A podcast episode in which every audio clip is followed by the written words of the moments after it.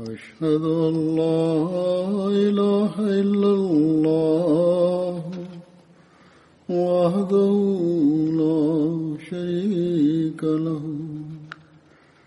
وأشهد أن محمدا عبده ورسوله.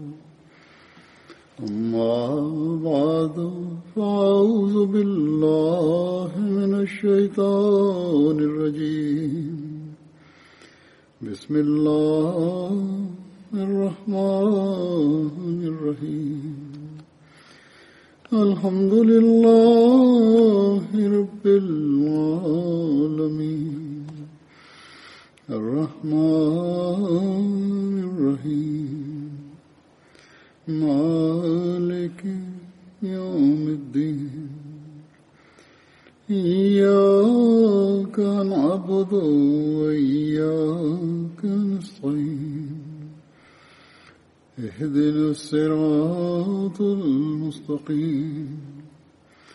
صراط الذين أنعمت عليهم.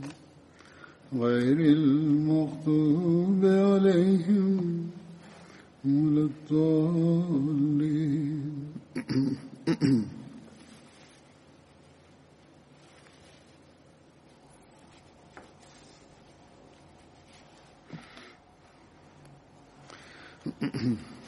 Pertama-tama saya ingin menyampaikan ucapan terima kasih kepada segenap Ahmadi yang pada beberapa waktu lalu ketika saya terluka mereka telah mengungkapkan keharuannya dan mendoakan dengan penuh kekhusyuan. Semoga Allah taala memberikan ganjaran yang terbaik kepada Anda semua dan meningkatkan keikhlasan dan kesetiaan Anda. Di zaman ini demi Allah Ta'ala dan sesuai dengan firman Allah Ta'ala bahwa kecintaan satu sama lain khususnya contoh keikhlasan dan kesetiaan terhadap khalifah hanya bisa dijumpai dalam jemaat Ahmadiyah kecintaan dua arah ini telah diciptakan oleh Allah Ta'ala. Di sini kita pun tidak dapat mengetahui siapa yang lebih memiliki simpati kepada yang lain.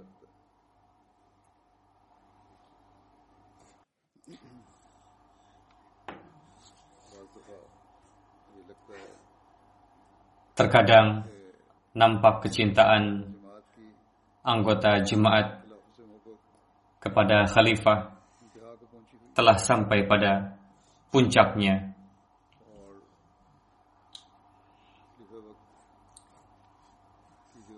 Dan jalinan serta kecintaan khalifah waktu dengan anggota jemaat sebagian orang merasa tidak berada pada standar yang sama namun bagaimanapun ini adalah kecintaan dan jalinan dua arah.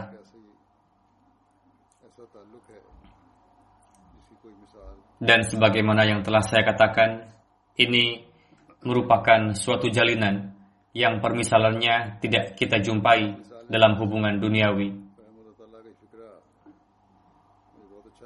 Saya sangat menyukai ungkapan kalimat dari Hadrat Khalifatul Masih yang ketiga, rahimahullah, yang menyatakan bahwa khalifah dan para anggota jemaat adalah satu wujud dengan dua nama. Ini juga adalah pengabulan dari doa-doa Andas, sehingga dengan karunia Allah Ta'ala, secara menakjubkan luka ini bisa sembuh dengan cepat. Pak dokter mengatakan kepada saya bahwa luka di wajah pada umumnya sembuh dengan cepat, namun berkenaan dengan begitu cepatnya luka ini sembuh, Pak dokter mengatakan bahwa beliau tidak membayangkan bisa secepat itu. Saya katakan kepada beliau bahwa memang di satu sisi ada pengobatan, namun perkara yang sesungguhnya adalah doa-doa yang dipanjatkan oleh para Ahmadi. Saya pun merasa bahwa begitu banyaknya luka ini dan mungkin paling tidak akan memerlukan waktu dua minggu untuk sembuh. Dan saya juga merasa mungkin akan menyisakan tanda-tanda bekas luka. Namun dengan karunia Allah Ta'ala hanya dalam waktu tujuh atau delapan hari saja semuanya telah bersih. Disebabkan oleh luka ini, saya bisa merasakan pengobatan dengan marham Isa. Beberapa waktu yang lalu Bapak Mir Mahmud Ahmad Nasir telah mengirimkan kepada saya marham Isa yang telah beliau buat dengan resep Siriani, yakni orang-orang Syria, dan saya menggunakannya. Demikian juga krim hemopati kalendula. Bagaimanapun, karunia yang sesungguhnya adalah datang dari Allah Ta'ala. Dialah Asyafi, yakni yang maha penyembuh, saya menyebutkan obat-obatan tadi dengan tujuan supaya yang lain pun bisa memanfaatkannya ketika sewaktu-waktu membutuhkan. Doakanlah semoga Allah Ta'ala segera memberikan kesembuhan pada efek-efek yang masih tersisa dari luka ini dan menjauhkan dampak-dampak buruknya. Karunia Allah Ta'ala lah yang merupakan kekuatan yang sesungguhnya, yang mana ini bisa didapatkan melalui doa-doa. Saya ingat, untuk beberapa lama, pundak dan lengan saya terasa sangat sakit, sulit untuk mengangkat tangan, harus dibantu dengan tangan yang satu lagi. Ketika diperlihatkan kepada dokter spesialis, beliau mengatakan bahwa rasa sakit ini bisa dirasakan 6 minggu hingga 3 sampai 4 bulan lamanya. Beberapa hari kemudian dokter memeriksa lagi dan pada waktu itu dengan karunia Allah Ta'ala 90% rasa sakit itu telah hilang. Beliau sangat merasa heran. Saya katakan kepada beliau bahwa ketika ratusan ribu orang mendoakan, maka seperti inilah Allah Ta'ala memberikan karunia-Nya. Dokter tersebut seorang berkebangsaan Inggris, beliau berkata bahwa beliau seorang Kristen dan keluarga beliau juga keluarga yang taat beragama. Saya juga yakin dengan doa-doa dan tentu saja hanya dengan doalah ini bisa terjadi. Alhasil, karunia Allah Ta'ala lah yang hendaknya selalu kita mohonkan setiap waktu dan bersujudlah di hadapannya. Dalam kondisi yang tengah kita lalui belakangan ini, kita perlu secara khusus tersungkur di hadapan Allah Ta'ala. Datang laporan dari UK dan negara-negara lainnya juga bahwa dalam kondisi seperti ini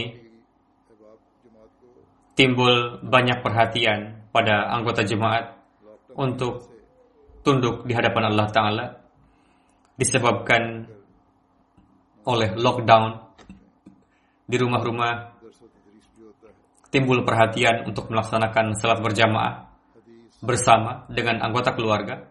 Daras-daras pun dilaksanakan, dilaksanakan daras-daras kitab hadis Al-Quran yang dengannya ilmu orang-orang dewasa pun meningkat dan anak-anak pun menjadi faham ilmu agama. Keimanan kepada Allah Ta'ala pun semakin meningkat. Merupakan karunia Allah Ta'ala juga bahwa di tengah masa-masa ini bulan Ramadan pun tiba dan perhatian terhadap ibadah yang tengah timbul dalam diri orang-orang semakin bertambah lagi lebih dari sebelumnya. Sekarang Ramadan ini akan berakhir dan demikian juga pemerintah pun berniat untuk melonggarkan pembatasan-pembatasan lockdown. Beberapa negara telah melakukannya. Dia di beberapa tempat telah mulai dilonggarkan. Satu hal yang ingin saya sampaikan bahwa persyaratan-persyaratan yang telah ditetapkan oleh pemerintah pada pembatasan yang telah dilonggarkan ini para Ahmadi harus berusaha untuk mematuhinya. Namun, hal yang paling utama dan penting yang harus diperhatikan oleh para Ahmadi adalah yakni izin untuk berbisnis kelonggaran untuk pergi keluar rumah, dan juga berakhirnya bulan Ramadan ini, semua itu janganlah sampai mengakhiri atau mengurangi peribadahan kepada Allah Ta'ala dan kebaikan-kebaikan yang telah diraih oleh seorang Ahmadi. Bahkan selama pembatasan untuk pergi ke masjid masih diberlakukan, lanjutkanlah kebaikan-kebaikan tersebut dan tetap laksanakanlah salat berjamaah di rumah.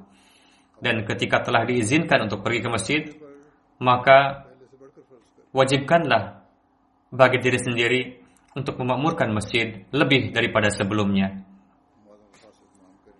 Para wanita hendaknya memberikan perhatian secara khusus terhadap pelaksanaan salat di rumah, sehingga anak-anak melihat teladan di hadapannya, dan mereka pun meningkat dalam keimanan dan keyakinan pada Allah Ta'ala.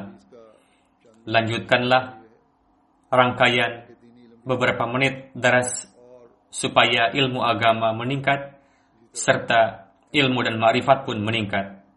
Demikian juga tetap berikanlah perhatian untuk menyimak program-program MTA.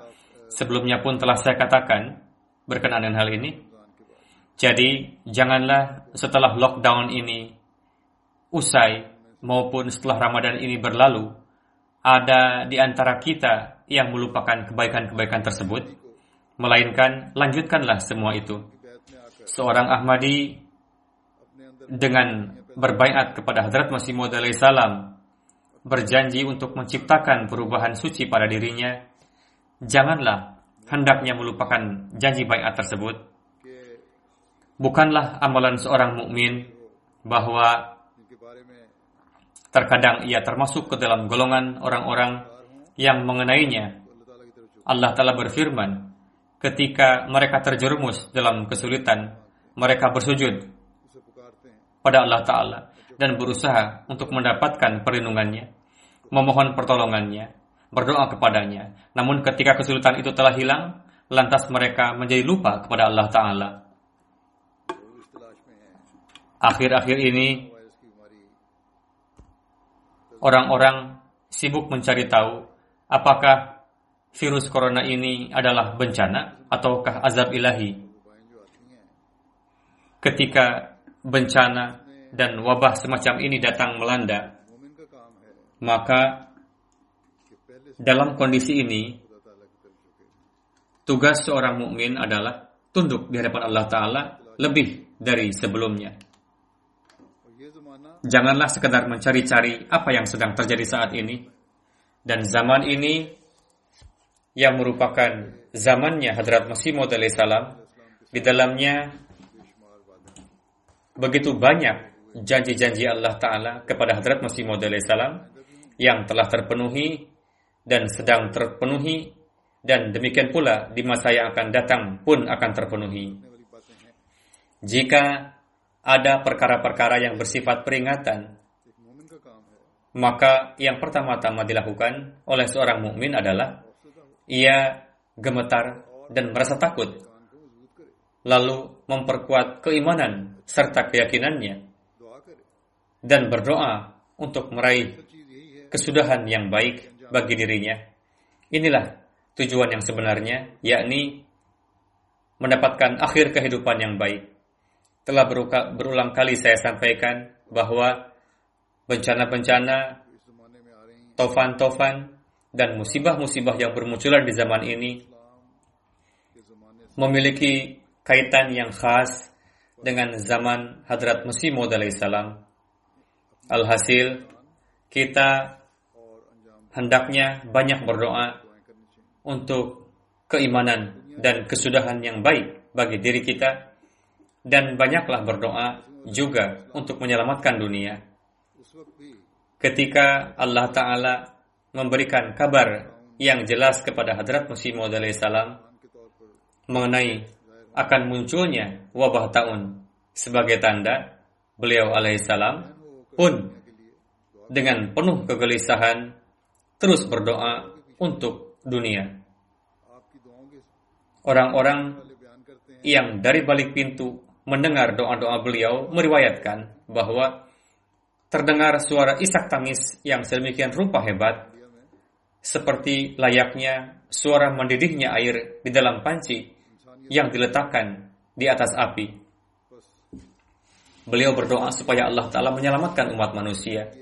Jadi, meskipun Allah Ta'ala memberitahukan kepada beliau bahwa ini merupakan tanda kasih sayang beliau alaihissalam kepada umat manusia lebih dominan.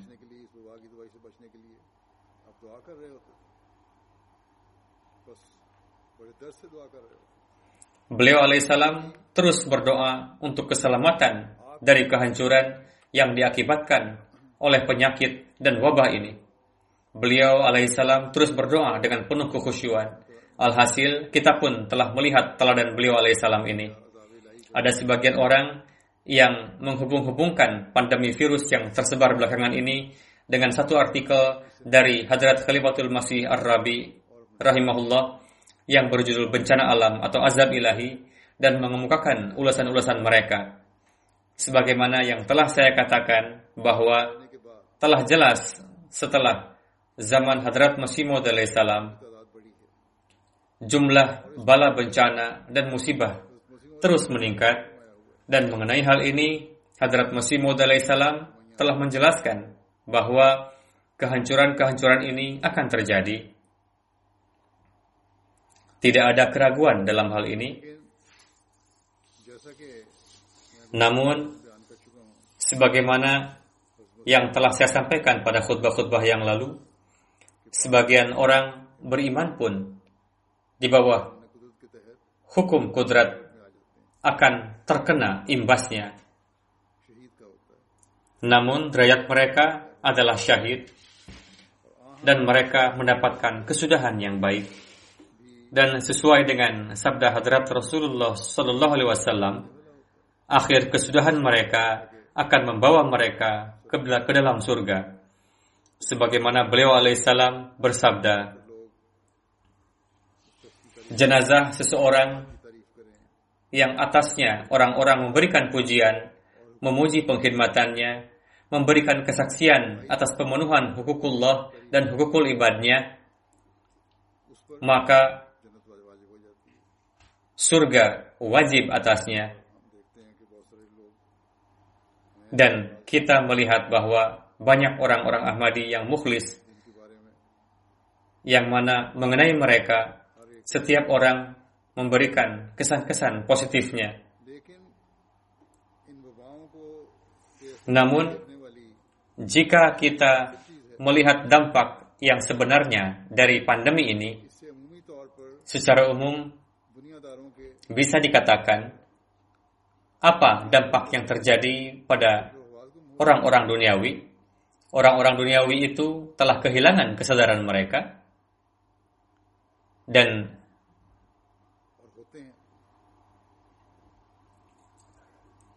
kita melihat pada hari-hari ini bagaimana kondisi mereka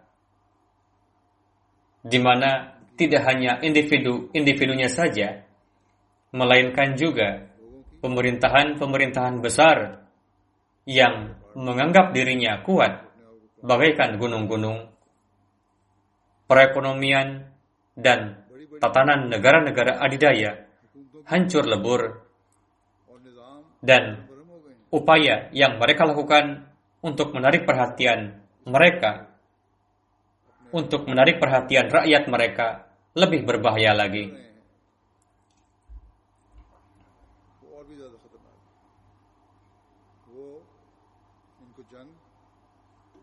Mereka menggiring rakyatnya menuju pada peperangan dan kehancuran ekonomi yang lebih parah lagi.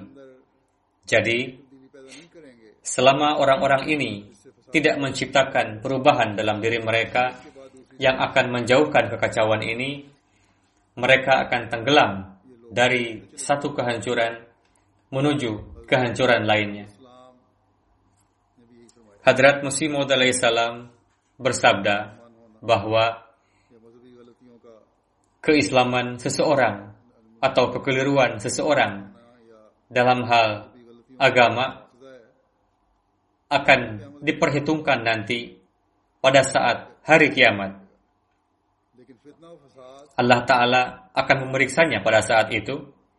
Namun, kekacauan dan kekisruhan, perampasan hak-hak orang lain, dan perolokan terhadap hamba-hamba Allah Ta'ala akan menimbulkan kegelisahan dan membawa pada kehancuran. Oleh karena itu, menjadi tugas kita untuk berdoa dan memberikan pemahaman kepada dunia dan mensucikan kondisi diri kita. Tulisan Hadrat Khalifatul Masih Ar-Rabi rahimahullah yang saya bicarakan tadi adalah suatu artikel yang panjang. Namun yang menjadi fokus perhatian para Ahmadi ketika membacanya adalah bukan hanya mengenai apa yang terjadi pada kaum-kaum terdahulu atau apa yang telah dan sedang terjadi sekarang, kerusakan apa yang terjadi dan tidak terjadi. Memang Hal-hal ini juga menimbulkan rasa takut dan membuat kita memberikan perhatian pada kondisi diri kita. Namun, perkara yang sebenarnya dan kata-kata yang layak untuk direnungkan dari apa yang beliau tulis adalah bahwa di dalamnya terdapat peringatan dan kabar suka bagi jemaat Ahmadiyah. Peringatan itu adalah status sebagai Ahmadi saja tidaklah cukup untuk bisa selamat, melainkan disertakan juga syarat ketakwaan. Dan sisi lain kabar gembiranya adalah para Ahmadi akan dengan cepat berusaha untuk melakukan perbaikan pada kelemahan-kelemahan dalam hal amalan yang telah terjadi dalam jemaat ini. Dan bersamaan dengan itu, mereka yang sekedar mencatatkan nama mereka ketika bayat dan kejemaatan mereka hanya label saja, mereka akan kembali kepada ajaran Hadrat Masih Maud salam dan kembalinya mereka kepada Allah Ta'ala lah yang merupakan kabar suka bagi mereka jika tidak, maka tidak ada kabar suka. Sebagaimana yang telah saya sampaikan bahwa tawajuh yang telah tercipta pada hari-hari ini, tetap teguhkanlah itu dan arahkanlah perhatian kita dan anak-anak keturunan kita pada pemenuhan hak-hak Allah dan hak-hak hamba. Karena setelah terjadi kehancuran dunia, ketika pandangan dunia tertuju pada Allah Ta'ala dan pada pemenuhan hak-hak hamba, maka orang-orang akan melihat kepada jemaat. Kemudian hanya para Ahmadilah yang bisa memberikan bimbingan yang benar kepada dunia. Namun sebelum itu kita harus berdoa dengan penuh rintihan supaya periode itu jangan sampai terjadi yaitu periode ketika dunia telah sampai pada kondisi di mana jalan keluar dari sana untuk menuju pada cahaya dan perdamaian telah tertutup. Sebelum periode ini terjadi, semoga pandangan manusia tertuju pada Allah Ta'ala. Alhasil, seiring dengan doa-doa kita, kita pun perlu untuk memperlihatkan teladan kita. Kita perlu untuk memberitahukan kepada dunia bahwa hanya dengan menunaikan hak satu sama lainlah kalian akan meraih kasih sayang Allah Ta'ala dan Allah Ta'ala yang merupakan Tuhan yang satu tanpa meraih kasih sayangnya kita tidak akan bisa sukses dalam usaha-usaha kita untuk menegakkan perdamaian di dunia dan begitu juga setelah meninggal nanti tidak akan meraih kesudahan yang baik. Dengan karunia Allah Ta'ala,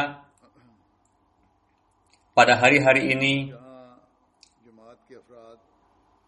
ketika di satu sisi para anggota jemaat memberikan perhatian pada pelaksanaan ibadah-ibadah, maka di sisi lain mereka juga bekerja untuk melakukan pengkhidmatan kemanusiaan. para pemuda, para ansor yang sehat, serta para lajnah dari berbagai tempat datang laporan-laporan yang baik berkenaan dengan hal ini. Pengkhidmatan kemanusiaan ini juga menjadi sarana penunjuk jalan bagi orang-orang duniawi yang tengah tersesat.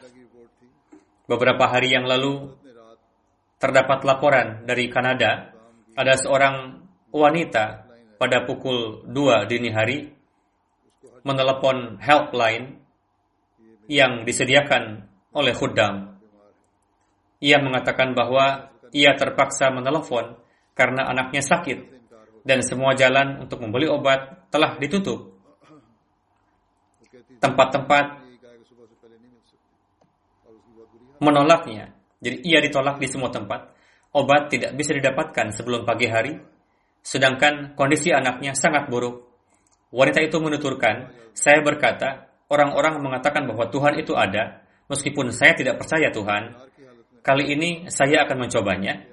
Dalam kondisi sedih dan gelisah saya berkata, Ya Tuhan, saat ini anak saya dalam kondisi yang buruk. Jika engkau memang ada, sediakanlah obat untuknya. Dan ketika saya mengatakan ini, terlintas di pikiran saya helpline milik Khudam. Saya menelepon, lalu ada seseorang yang mengangkatnya. Saya menceritakan kepadanya keperluan saya. Ia mengatakan akan mengusahakannya. Tidak berapa lama kemudian masuk telepon dari Khudam tadi mengatakan bahwa sekarang pukul 2 malam sulit untuk bisa mendapatkan obat. Khudam itu bertanya, bagaimana kondisi anak Anda? Saya lalu menjelaskan semua kondisinya dan mengungkapkan kegelisahan saya. Ia lalu mengatakan, oke, okay, saya akan pergi dan mengeceknya sendiri. Saya akan pergi ke apotik yang masih terbuka di suatu daerah. Kalau masih buka, saya akan membawa obat obatnya. Kudam tersebut bangun dan pergi malam itu.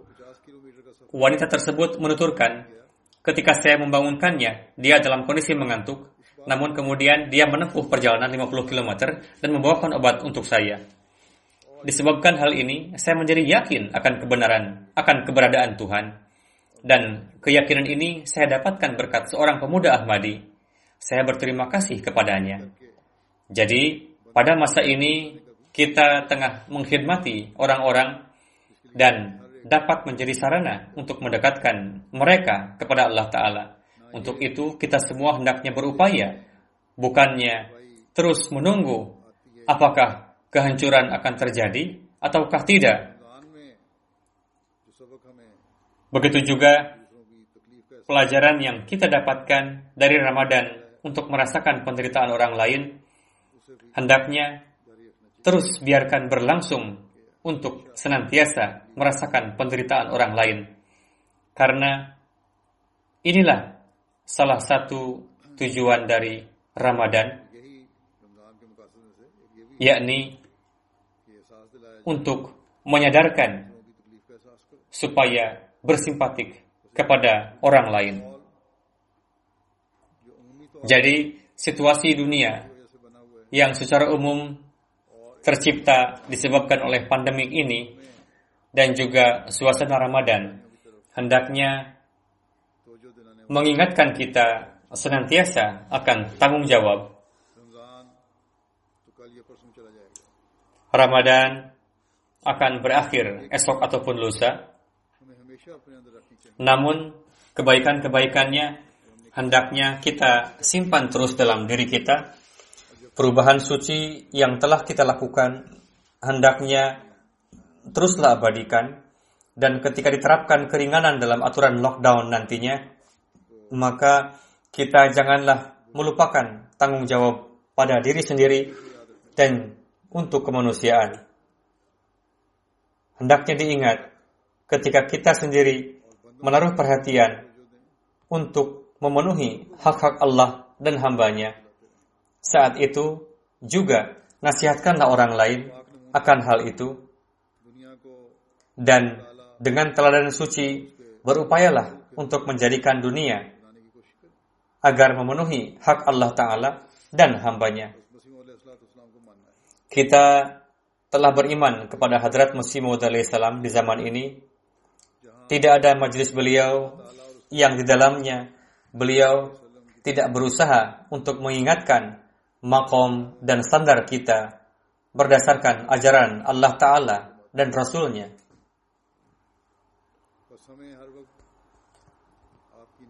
Untuk itu, setiap kita setiap saat kita harus senantiasa mengingat nasihat beliau supaya kita meraih keyakinan dan keimanan yang hakiki. Alih-alih menaruh pandangan pada kelemahan-kelemahan orang lain, analisalah kondisi diri. Berkenaan dengan hal ini, saat ini saya akan sampaikan beberapa sabda Hadrat Masih Maud salam yang perlu kita senantiasa renungkan. Menjelaskan berkenaan dengan hal ini, beliau alaihissalam berusaha bangun untuk tahajud dan sertakan juga kunut pada setiap salat lima waktu. Bertaubatlah dari segala hal yang akan membuat Allah murka. Maksud dari taubat di sini adalah tinggalkanlah segenap keburukan dan hal-hal yang membuat Allah Ta'ala tidak ridho, lalu ciptakan perubahan sejati, dan melangkah majulah, lalu tempuhlah ketakwaan. Di dalamnya terdapat rahmat ilahi. Bersabda, terapkanlah kebiasaan baik dalam diri manusia, janganlah marah-marah, sebagai gantinya, bersikaplah tawadu dan rendah hati. Seiring dengan memperbaiki akhlak, usahakanlah sebisa mungkin untuk bersedekah. Yut'imuna ta'ama ala hubbihi miskinan wa yatiman wa asira. Yut'imuna ta'ama ala hubbihi miskinau wa yatimau wa asira. yakni untuk meraih keridaan ilahi Berikanlah makan kepada orang miskin, anak yatim, dan para tawanan. Dikatakan bahwa kami memberikannya secara khusus untuk meraih keridhaan Allah Ta'ala. Kami takut dengan hari yang sangat mengerikan. Singkatnya, berdoa dan taubatlah. Berikanlah sedekah secara rutin, supaya Allah Ta'ala mencurahkan karunia dan kasih sayangnya padamu. Allah Ta'ala tidak memperdulikan siapa pun kecuali orang soleh. Ciptakanlah jalinan kasih sayang dan persaudaraan di antara sesama. Tinggalkanlah pertentangan. Tinggalkanlah segala jenis olok-olokan dan cibiran. Karena olok-olokan akan menjauhkan hati manusia dari kebenaran dan menyampaikannya entah ke mana. Perlakuan, perlakukan satu sama lain dengan penuh hormat Utamakanlah ketenangan saudaranya di atas ketenangannya sendiri. Ciptakanlah satu jalanan damai, sejati, dengan Allah Ta'ala. Kembalilah dalam ketaatan padanya. Murka ilahi tengah turun ke bumi. Yang akan terhindar dari murka itu adalah mereka yang seutuhnya taubat dari segala dosa-dosanya, lalu tunduk kepadanya. Kalian ingatlah, jika kalian menyelaraskan diri kalian dengan firman Allah Ta'ala dan berjuang untuk menolong agamanya, maka Allah Ta'ala akan menjauhkan segala macam hambatan dan kalian akan sukses. Apakah kalian tidak melihat bagaimana petani akan mencabut benda-benda yang tidak berguna dari ladangnya untuk menghasilkan panen yang baik, lalu menata ladangnya supaya nampak indah dan penuh dengan pohon dan tanaman yang menghasilkan buah, dan memeliharanya dan melindunginya dari segala sesuatu yang merugikannya. Namun pohon dan tanaman yang tidak menghasilkan buah dan mulai mengering, pemiliknya tidak akan memperdulikan jika ada hewan yang akan mem yang akan memakannya atau jika ada tukang kayu yang menebangnya untuk dijadikan bahan bakar. Demikian pula lah kalian, ingatlah bahwa jika kalian benar dalam pandangan Allah Ta'ala, maka penentangan siapa pun tidak akan dapat menimpakan penderitaan padamu. Namun jika kalian tidak memperbaiki diri kalian dan tidak mengikat janji untuk setia kepada Allah Ta'ala, maka Allah Ta'ala tidak akan memperdulikan siapa pun. Bersabda, hendaknya kalian termasuk ke dalam kekasih Allah Ta'ala, hilangkanlah segala jenis perselisihan, egoisme, dan permusuhan di antara sesama kalian. Kalian telah tiba, karena telah tiba saatnya untuk menjauhkan, untuk menjauhnya hal-hal yang rendah, dan sibukkanlah untuk tugas agung orang-orang akan menentang kalian, jangan pedulikan. Sebagai wasiat, ingatlah, janganlah bersikap buas dan keras, melainkan nasihatilah setiap orang dengan kelembutan, kehalusan, dan akhlak baik. Dalam menekankan untuk memperbaiki kondisi akhlak kita dan hukum ibad, beliau alaihissalam bersabda, dalam sebuah hadis disabdakan, bahwa pada hari kiamat Allah Ta'ala akan beriman, akan berfirman kepada sebagian hamba, kalian sangat baik dan aku ridho atas kalian karena dulu aku pernah sangat kelaparan dan kalian memberikanku makan, dulu aku telanjang, lalu kalian memberi, memberikanku pakaian, aku kehausan, kalian memberikanku minum, aku sakit dan kalian menjengukku. Lalu para hamba akan berkata, Ya Tuhan, Engkau adalah terbebas dari semua ini. Kapan Engkau mengalami hal ini sehingga kami memperlakukan Engkau demikian? Allah Ta'ala menjawab, Suatu ketika hambaku demikian adanya, lalu kalian merawatnya. Dengan demikian, seolah-olah kalian telah merawatku. Lalu didatangkan satu kelompok lainnya, Allah Ta'ala berfirman kepada mereka, kalian telah memperlakukanku dengan buruk, di mana Dulu aku lapar, namun kalian tidak memberiku makan. Aku kehausan, namun kalian tidak memberiku makan, minum. Aku telanjang, namun kalian tidak memberikanku pakaian. Aku sakit, namun kalian tidak menjengukku. Lalu kelompok manusia tadi akan menjawab, Ya Tuhan, Engkau maha suci dari semua keadaan itu. Kapan Engkau mengalami hal itu? Sehingga kami berlaku demikian kepada Engkau. Allah Ta'ala menjawab, saat itu hamba tengah dalam kondisi demikian. Namun Kalian tidak bersikap simpatik dan memperlakukannya dengan baik.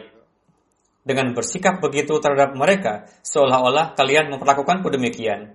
Jadi, bentuk kasih sayang terhadap umat manusia tidak disyaratkan apakah ia Muslim, Hindu, atau Kristen, atau siapa pun. Walhasil, bersikap kasih sayang terhadap umat manusia dan berbuat simpati kepadanya merupakan ibadah yang sangat besar dan ini merupakan sarana yang sangat baik untuk meraih keridhaan Allah Ta'ala. Namun saya melihat pada sisi ini nampak banyak kelemahan, memandang orang lain dengan pandangan hina, mengolok-oloknya, terlalu jauh untuk terlalu jauh untuk merawatnya, memberikan bantuan kepada mereka pun ketika menghadapi musibah atau kesulitan, justru mereka tidak memperlakukan orang miskin dengan baik, bahkan menganggapnya hina. Saya khawatir jangan sampai ia sendiri yang terjerumus dalam musibah ini. Bagi mereka yang telah diberikan karunia besar oleh Allah Ta'ala, sebagai bentuk rasa syukur akan hal itu adalah memperlakukan makhluknya dengan perlakuan ihsan. Janganlah lantas menjadi takabur atas karunia Allah Ta'ala itu. Dan janganlah menganiaya orang-orang miskin layaknya binatang. Beliau alaihissalam bersabda lebih lanjut, sebenarnya tahapan yang paling sulit dan rentan adalah tahapan hukukul ibad karena setiap saat berurusan dengannya, setiap saat diuji. Jadi pada tahapan ini kita hendaknya melangkah dengan penuh kehati-hatian. Saya berkeyakinan bahwa dengan musuh sekalipun janganlah ber- ber- kita bersikap terlalu keras. Sebagian orang berkeinginan untuk berusaha sebisa mungkin menghancurkan musuh lalu tidak memperdulikan apakah cara yang ditempuhnya jais ataukah tidak. Untuk mencemarkan namanya, dilontarkan tuduhan palsu, mengada-adakan dusta, dan menggibatnya, lalu memprovokasi orang lain untuk menentangnya. Akhirnya, disebabkan oleh perselisihan yang remeh-temeh, bagaimana telah menjadikannya sebagai pewaris keburukan dan kejahatan begitu rupa. Ketika keburukan ini beranak pinak, akan menyampaikannya sampai di mana? Aku katakan sejujurnya, dan kita tengah menyaksikan bagaimana kondisi dunia saat ini, apakah secara individu maupun kelompok dan juga pemerintahan. Beliau Al Islam bersabda, Aku katakan sejujurnya, janganlah anggap siapa pun sebagai musuh bebuyutan. Sekali-kali tinggalkanlah kebiasaan membenci. Jika Allah Ta'ala bersama kalian, dan kalian menjadi milik Allah Ta'ala, maka dia dapat menjadikan musuhmu sebagai pelayanmu. Namun jika kalian memutuskan hubungan dengan Allah Ta'ala sehingga tidak tersisa lagi jalinan dengannya dan berseberangan dengannya, sudah menjadi perilaku kalian, lantas siapakah musuh bagimu yang lebih besar daripada Allah Ta'ala? Manusia dapat selamat dari permusuhan kepada makhluk. Namun jika Tuhan yang menjadi musuhnya, sekalipun seluruh makhluk menjadi temannya, maka tidak akan bisa apa-apa. Untuk itu, cara yang kalian tempuh haruslah cara-cara para nabi. Allah telah menghendaki supaya tidak ada kebencian pribadi. Ingatlah dengan baik, manusia akan mendapatkan kemuliaan dan kehormatan jika secara pribadi ia tidak menebar permusuhan kepada siapa pun. Lain halnya, demi kehormatan Allah dan Rasulnya, yakni barang siapa yang tidak memuliakan Allah dan Rasulnya, bahkan memusuhinya, maka anggaplah orang seperti itu sebagai musuhmu. Namun dalam hal ini, beliau menjelaskan perihal menganggap musuh. Beliau bersabda, menganggapnya sebagai musuh di sini Maksudnya bukanlah kalian mengada-adakan kedustaan mengenainya atau merencanakan untuk menimpakan penderitaan padanya tanpa sebab, melainkan tinggalkanlah ia dan serahkanlah urusannya kepada Allah Ta'ala. Jika mungkin, doakanlah supaya ia mendapatkan Islam. Janganlah memulai lagi permusuhan baru dari diri sendiri.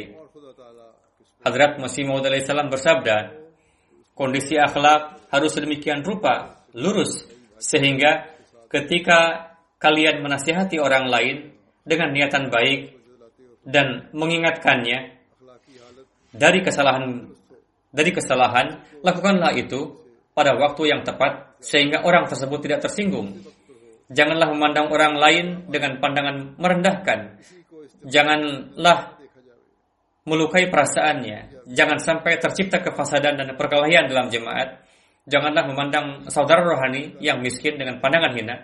Janganlah merendahkan orang lain dengan membanggakan harta atau kehebatan silsilah keluarga. Karena yang mulia dalam pandangan Allah Ta'ala adalah yang bertakwa. Sebagaimana difirmankan, Inna akramakum indallahi atqakum. Perlakukanlah orang lain dengan akhlak mulia. Barang siapa yang perlihatkan contoh akhlak yang buruk, tidaklah baik. Orang-orang mencari cari alasan untuk dapat mengangkat telunjuk kepada jemaat kita bagi orang lain satu tahun, sedangkan bagi jemaat kita dua tahun. Jika ada salah seorang anggota jemaat melakukan keburukan, maka disebabkan oleh satu orang tersebut dapat mencemarkan nama baik seluruh jemaat. Tingkatkanlah sikap bijak, kelembutan, dan keahlian untuk memaafkan. Ketika orang bodoh mengatakan sesuatu dengan mengatakan sesuatu dengan kebodohannya, jawablah dengan kepala dingin dan baik Janganlah menjawab ucapan sia-sia dengan yang serupa. Bersabda, seyogianya pada masa cobaan ini, tempuhlah ketakwaan dengan membunuh hawa nafsu pribadi. Maksud saya adalah, peganglah nasihat. Dunia adalah benda fana. Pada akhirnya akan mati juga. Kebahagiaan terletak dalam pra, dalam perkara agama. Tujuan yang utama adalah agama. Dalam suatu kesempatan, Hazrat Masih Maud Islam bersabda, jemaat kita hendaknya jangan hanya ucapan belaka, melainkan harus memenuhi kehendak sesungguhnya dari bayat, hendaknya menciptakan perubahan dalam diri. Dengan hanya menguasai permasalahan saja, kalian tidak akan dapat membahagiakan Tuhan.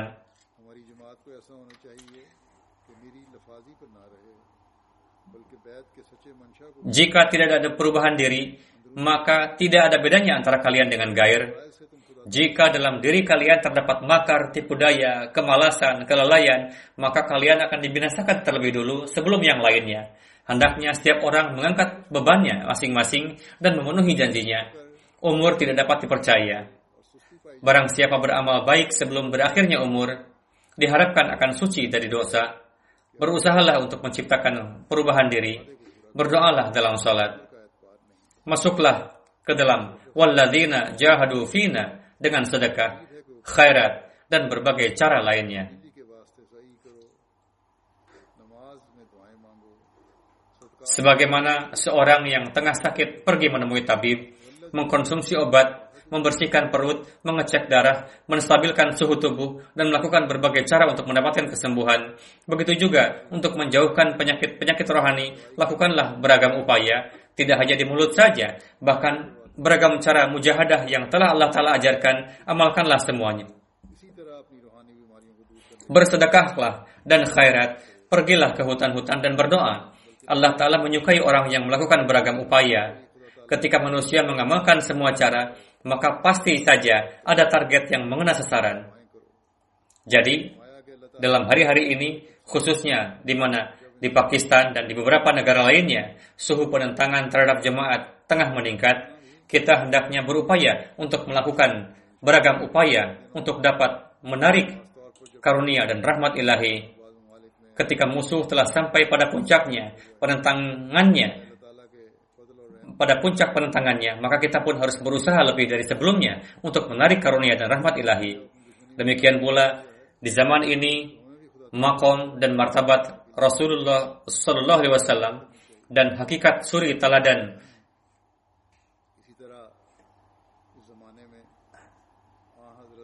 ini yakni akhlak mulia dan pemenuhan hukukullah dan hukukul ibad dapat diraih hanya dengan mengikuti teladan Rasulullah.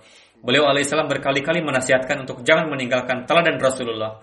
Dalam hal ini, beliau bersabda, Saya sampaikan kepada kalian bahwa banyak sekali orang yang ingin meraih kesempurnaan itu dengan perantaraan cara-cara dan wirid-wirid buatan mereka sendiri. Atau ingin menjalin hubungan sejati dengan Allah Ta'ala, namun aku katakan kepada kalian bahwa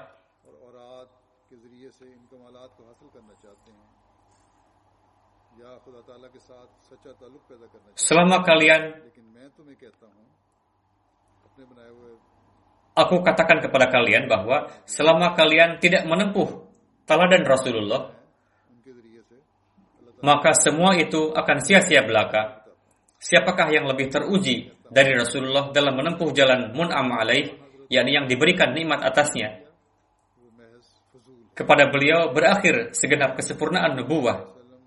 Cara-cara yang ditempuh oleh Rasulullah sangatlah sahih dan paling mendekati. Dengan meninggalkan cara-cara ini, lalu menempuh jalan lain, meskipun pada zahirnya cara tersebut nampak baik, namun menurut hemat saya, cara tersebut akan menuntun pada kebinasaan. Itu jugalah yang Allah telah jelaskan padaku. Itulah yang nampak kepada kita perihal keadaan orang-orang yang meninggalkan sunnah Rasulullah disebabkan oleh tafsir keliru yang disampaikan oleh para pir, fakir, dan mereka yang menyebut diri ulama telah begitu mencemarkan ajaran Islam. Namun, meskipun demikian, tetap saja mereka mengaku sebagai muslim sejati, bahkan telah menyatakan kami terkeluar dari Islam. Hadrat Masih Maud Islam bersabda, Tuhan dapat diraih dengan mengikuti sepenuhnya Rasulullah, dengan meninggalkan pengikutan kepada Rasulullah, sekalipun sepanjang umur bersujud, namun ia tidak akan mungkin dapat meraih setiap tujuan. Sebagaimana Sadi, Sa'di mengatakan dalam bahasa Farsi perihal perlunya mengikuti Rasulullah, Bazuhdu wara, kosho sidku wafa, walikan mefazai bar Mustafa. Artinya, tentu kalian harus berupaya untuk meraih zuhud, takwa, namun janganlah melampaui cara-cara yang diajarkan oleh Mustafa Sallallahu Alaihi Wasallam. Sekali-kali janganlah meninggalkan teladan Rasulullah. Aku melihat orang-orang membuat-buat wirid sendiri yang tidak karuan, bertapa seperti para jogi Hindu. Namun semua itu tidak ada faedahnya Cara-cara yang tidak jelas itu bukanlah sunnah para nabi, yakni wirid-wirid buatan sendiri. Karena itulah Rasulullah disebut sebagai uswah hasanah.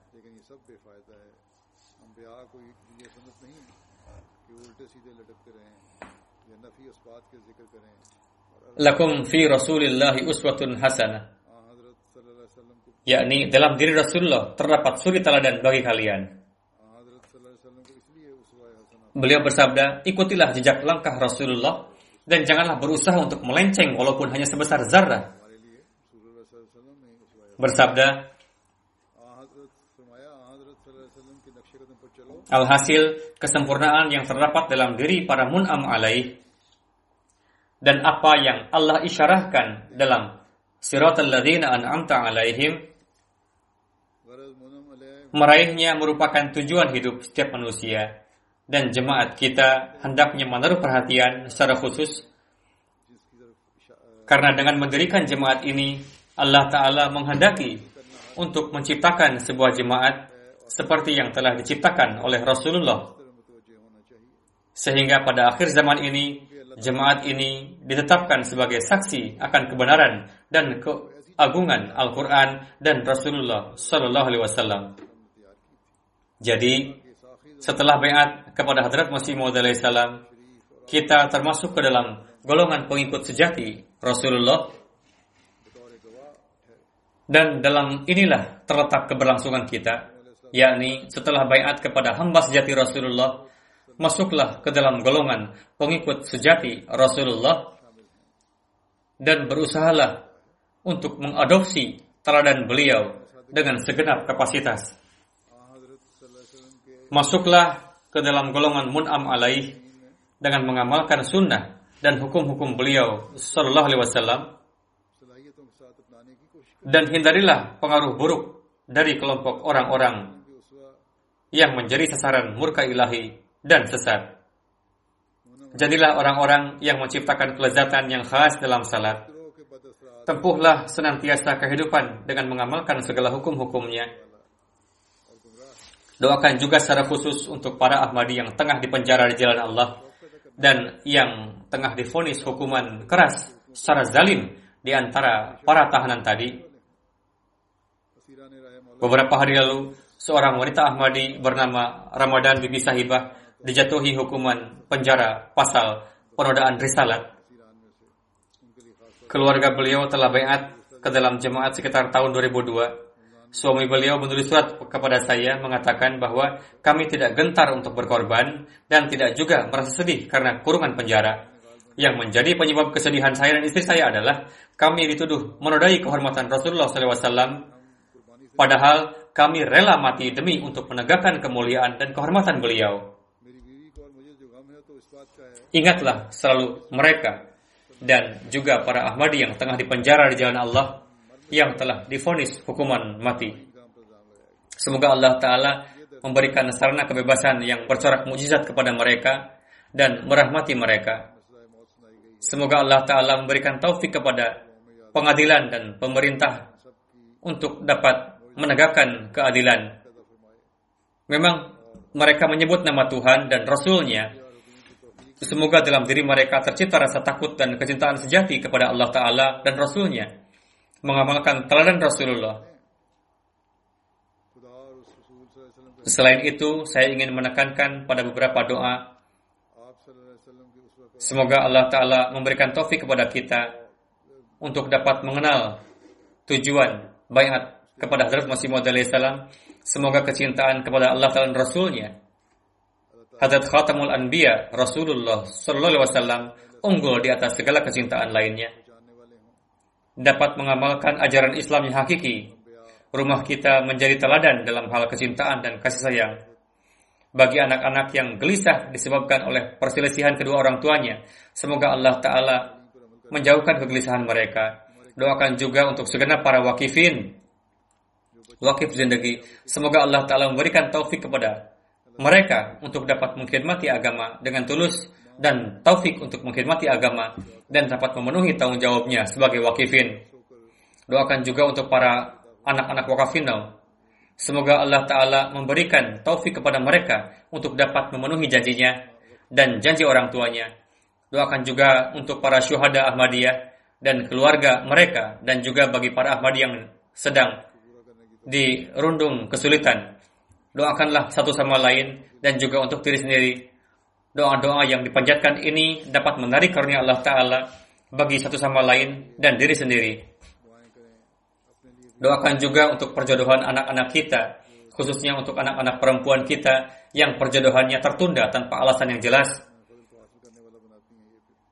Doakan juga semoga para Ahmadi terlindung dari dampak buruk yang ditimbulkan oleh kondisi saat ini terhadap ekonomi dunia. Jangan sampai kondisi ini menjadi hambatan dalam kegiatan dan program-program jemaat dan semoga Allah Ta'ala memberikan sarana kemajuan bagi jemaat dengan karunia-Nya.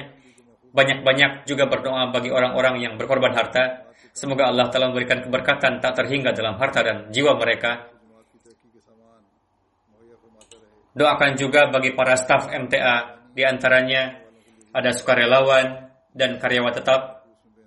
Mereka berkhidmat dengan sangat gigih untuk menyampaikan pesan Islam ke seluruh dunia. Doakan juga untuk dunia Islam, semoga perselisihan di antara mereka segera berakhir dan belajar untuk hidup dengan damai. Semoga Allah Ta'ala melindungi mereka dari kejahatan para penentang Islam dan itu dapat terwujud jika perselisihan di antara mereka berakhir Saat ini saya akan bacakan beberapa doa-doa. Silahkan Anda mengikuti setelah saya. Allahumma inna naj'aluka fi nuhurihim wa na'udzubika min syururihim. Ya Allah, kami menjadikan Engkau sebagai pihak yang memegang leher mereka dan kami berlindung kepadamu dari kejahatan mereka. La ilaha illallahul azim al-halim. La ilaha illallah rabbul arshil azim. La ilaha illallah rabbus samawati wa rabbul ard wa rabbul arshil karim. Tiada Tuhan yang berhak disembah kecuali Allah yang maha agung lagi lemah lembut. Tiada Tuhan yang berhak disembah kecuali Allah, Tuhan pemilik arash yang agung. Tiada Tuhan yang berhak disembah kecuali Allah, Tuhan pemilik langit dan bumi, dan pemilik arash yang mulia. Ya muqallibul muqallibal qulub, sabit qalbi ala dinik. Wahai zat yang maha membolak-balikan hati, teguhkanlah hatiku di atas agamamu. Allahumma inni as'alukal huda, wat tuqa, wal ifafa, wal ghina, Ya Allah, aku meminta padamu petunjuk, ketakwaan, diberikan sifat afaf dan ghina, yakni kaya hati. Allahumma inni a'udzubika min zawali ni'matik wa tahawuli afiatika wa fujati hikmatika hikmatika wa jami'i saktika. Ya Allah, sesungguhnya aku berlindung kepadamu dari hilangnya kenikmatan yang telah engkau berikan, dari berubahnya kesehatan yang telah engkau anugerahkan, dari siksamu yang datang secara tiba-tiba, dan dari segala kemurkaanmu. Rabbana zalamna anfusana wa illam taghfirlana wa tarhamna lanakunanna minal khasirin. Ya Allah, Rabbana zalamna anfusana wa illam taghfirlana wa tarhamna lanakunanna minal khasirin. Ya Allah, kami telah menzalimi pada diri kami sendiri. Jika kami, jika tidak engkau ampuni kami dan merahmati kami, tentulah kami menjadi orang-orang yang rugi.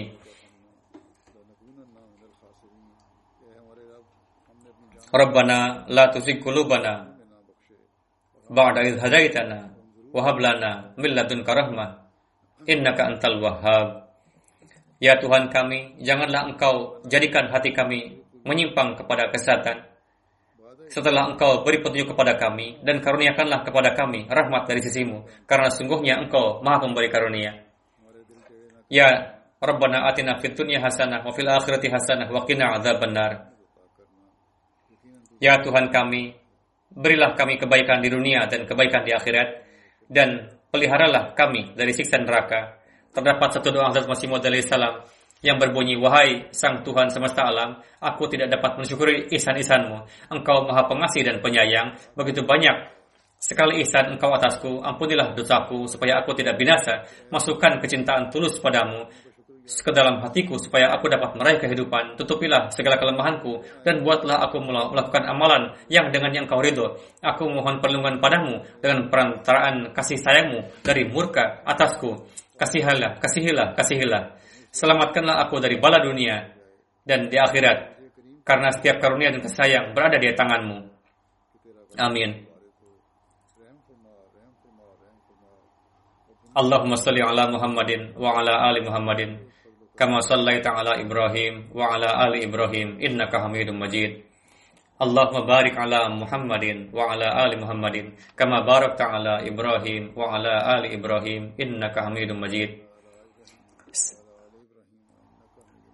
Ini merupakan Jumat terakhir pada Ramadan kali ini. Semoga kebaikan yang telah kita lakukan pada bulan Ramadan ini atau perubahan yang telah diciptakan, semoga Allah telah memberikan taufik untuk dapat kita melanjutkannya. Semoga doa-doa tersebut terkabul bagi kita. Saya juga ingin sampaikan sehubungan dengan Idul Fitri bahwa banyak orang yang telah menulis kepada saya bahwa menurut informasi di situs web bulan baru tidak akan terlihat pada hari Minggu, sehingga kami tidak dapat melakukan Idul Fitri pada tanggal 24. Lalu saya menulis kepada mereka, para komite, dan juga termasuk beberapa ahli lain di bidang ini, dan mereka mengadakan sejumlah pertemuan, pertemuan, rapat. Saya juga menginstruksikan Amir Sahib untuk meneliti masalah ini juga.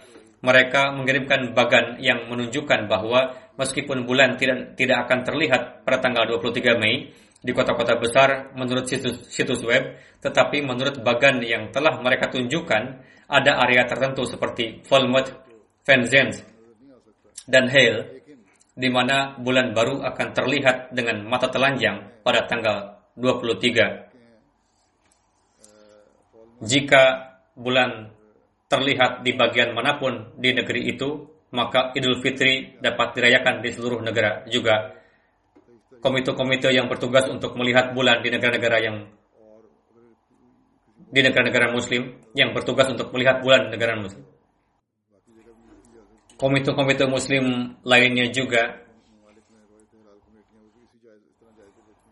Komite-komite yang bertugas untuk melihat bulan di negara-negara muslim lainnya juga mengamalkan hal yang sama untuk menentukan penampakan bulan. Maka setelah analisis ini dan setelah melakukan ini dan beberapa kali setelah itu lagi telah diputuskan bahwa Idul Fitri insya Allah akan dirayakan pada hari Minggu tanggal 24 Mei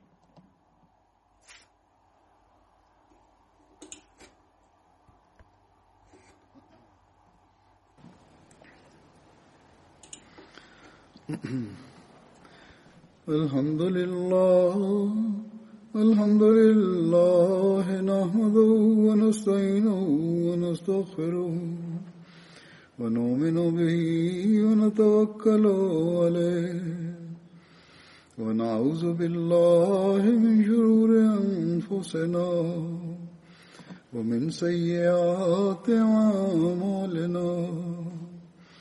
من يهده الله فلا مضل له ومن يضلل فلا هادي له. ونشهد أن لا إله إلا الله. ونشهد أن محمدا عبده ورسوله. عباد الله رحمكم الله. إن الله يأمر بالعدل واللسان وإيتاء ذي القربى وينهى عن الفحشاء والمنكر والبغي يعظكم لعلكم تذكرون. اذكروا الله يذكركم وادعوه يستجب لكم. ولذكر الله أكبر.